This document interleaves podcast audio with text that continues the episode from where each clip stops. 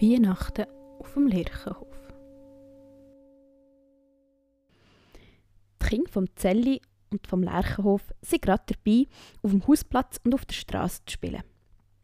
Mit dem Velo und Trottis sind sie am Auf- und Abfahren. Mit Kreide hat Frederik einen grossen Kreis aufgemalt. Tida und Mia haben die Strassenmarkierungen gemacht und die anderen drei haben Schildchen am Boden gemalt. Zuletzt hat Mia noch ihre Verkehrshütchen vorgeholt und alle aufgestellt. Der Henry ist der Polizist, wo alle mit dem Velo oder dem Trotti anhalten und Bussen verteilt, wenn sie zu schnell gefahren sind. Und mit in diesem Spiel fährt plötzlich ein gelber Roller auf den Hausplatz.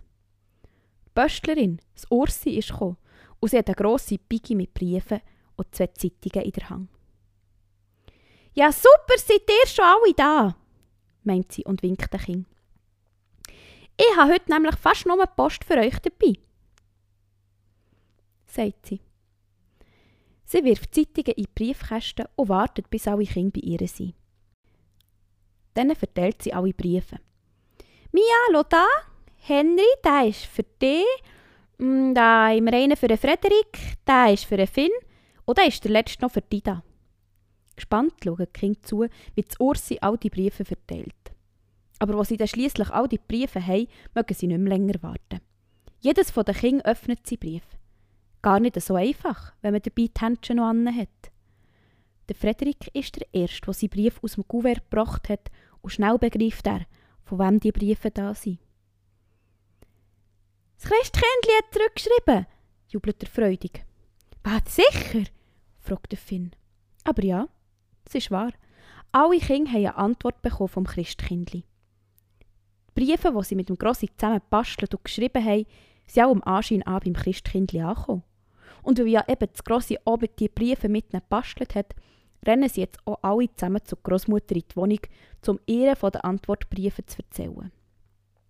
Das Urgrossi ist noch gerade beim Grossi zu Besuch und höckelt auf dem Sofa. Das Grossi kommt bei all dieser Aufregung von den Kindern zuerst gar nicht noch um was dass es eigentlich geht.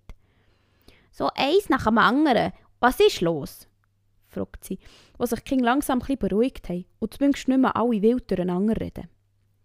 Der Henry erklärt, dass ihnen das Christkindli zurückgeschrieben hat. Allen einen eigenen Brief.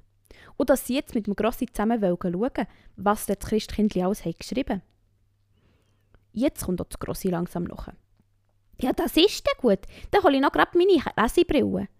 Höckelt nur fängs an den Tisch. Das Urgrossi auf dem Sofa versteht immer noch nicht, um was es bei dieser ganzen Aufregung geht. Aber das ist auch kein Wunder. Das Urgrossi gehört nämlich nicht mehr so gut.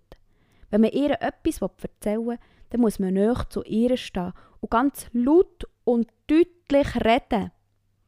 Und sehen tut sie eben auch immer wie schlechter. Lesen können sie darum auch nicht mehr, hat sie einmal erzählt. Dass das Urgrossi auch etwas gehört von den Briefen, schieben die Kinder Sessel neben dem Sofa zum Tisch über, damit das Urgrossi dort ganz bequem absitzen kann. Als das Grossi ihre Lesebrille endlich gefunden hat und zurück am Tisch ist, wird ein Brief nach dem anderen vorgelesen. Das Christkindli bedankt sich für die schönen Zeichnungen, die es hat bekommen und freut sich, dass es an Weihnachten ein Haufen Geschenke verteilen kann. Aber dass es halt auch nicht jeden Wunsch erfüllen kann. Im Sommer gehen sie gerne in See baden, hat es noch geschrieben, als Antwort auf die Frage von der Ida, was das Christkindli im Sommer eigentlich mache. Und bei jedem Brief hat das Christkindli noch etwas Kleines mit ins Kuvert gepackt. Alle haben ein paar goldige Sternschnuppenkleberli bekommen, die sie dann brauchen können zum Basteln. Die Freude war bei allen gross über die Briefe vom Christkindli. Auch die Urgroßmutter freut sich. Seit ich nicht mehr so gut sehe, kann ich nämlich noch, kaum noch die Zeitung lesen und schon gar kein Buch mehr, sagt sie zu den Kindern. Urgrossi, aber das ist dann schade, meint Mia. Es gibt doch so schöne Geschichten, die man lesen kann, findet oder Henry. Da hat der Frederik eine Idee. Wir könnten doch dir etwas vorlesen. Dann kannst du ja einfach zulassen. Das ist dann super. Das Grosse holt sein grosses Geschichtenbuch für, was jemand auch den Kindern daraus vorliest. Der Frederik liest eine erste Geschichte vor. Er hat eine Wintergeschichte ausgesucht, wo es um die Tannen im verschneiten Wald geht. Ida liest eine Weihnachtsgeschichte vor, wo es ums gestohlene Weihnachtsessen geht.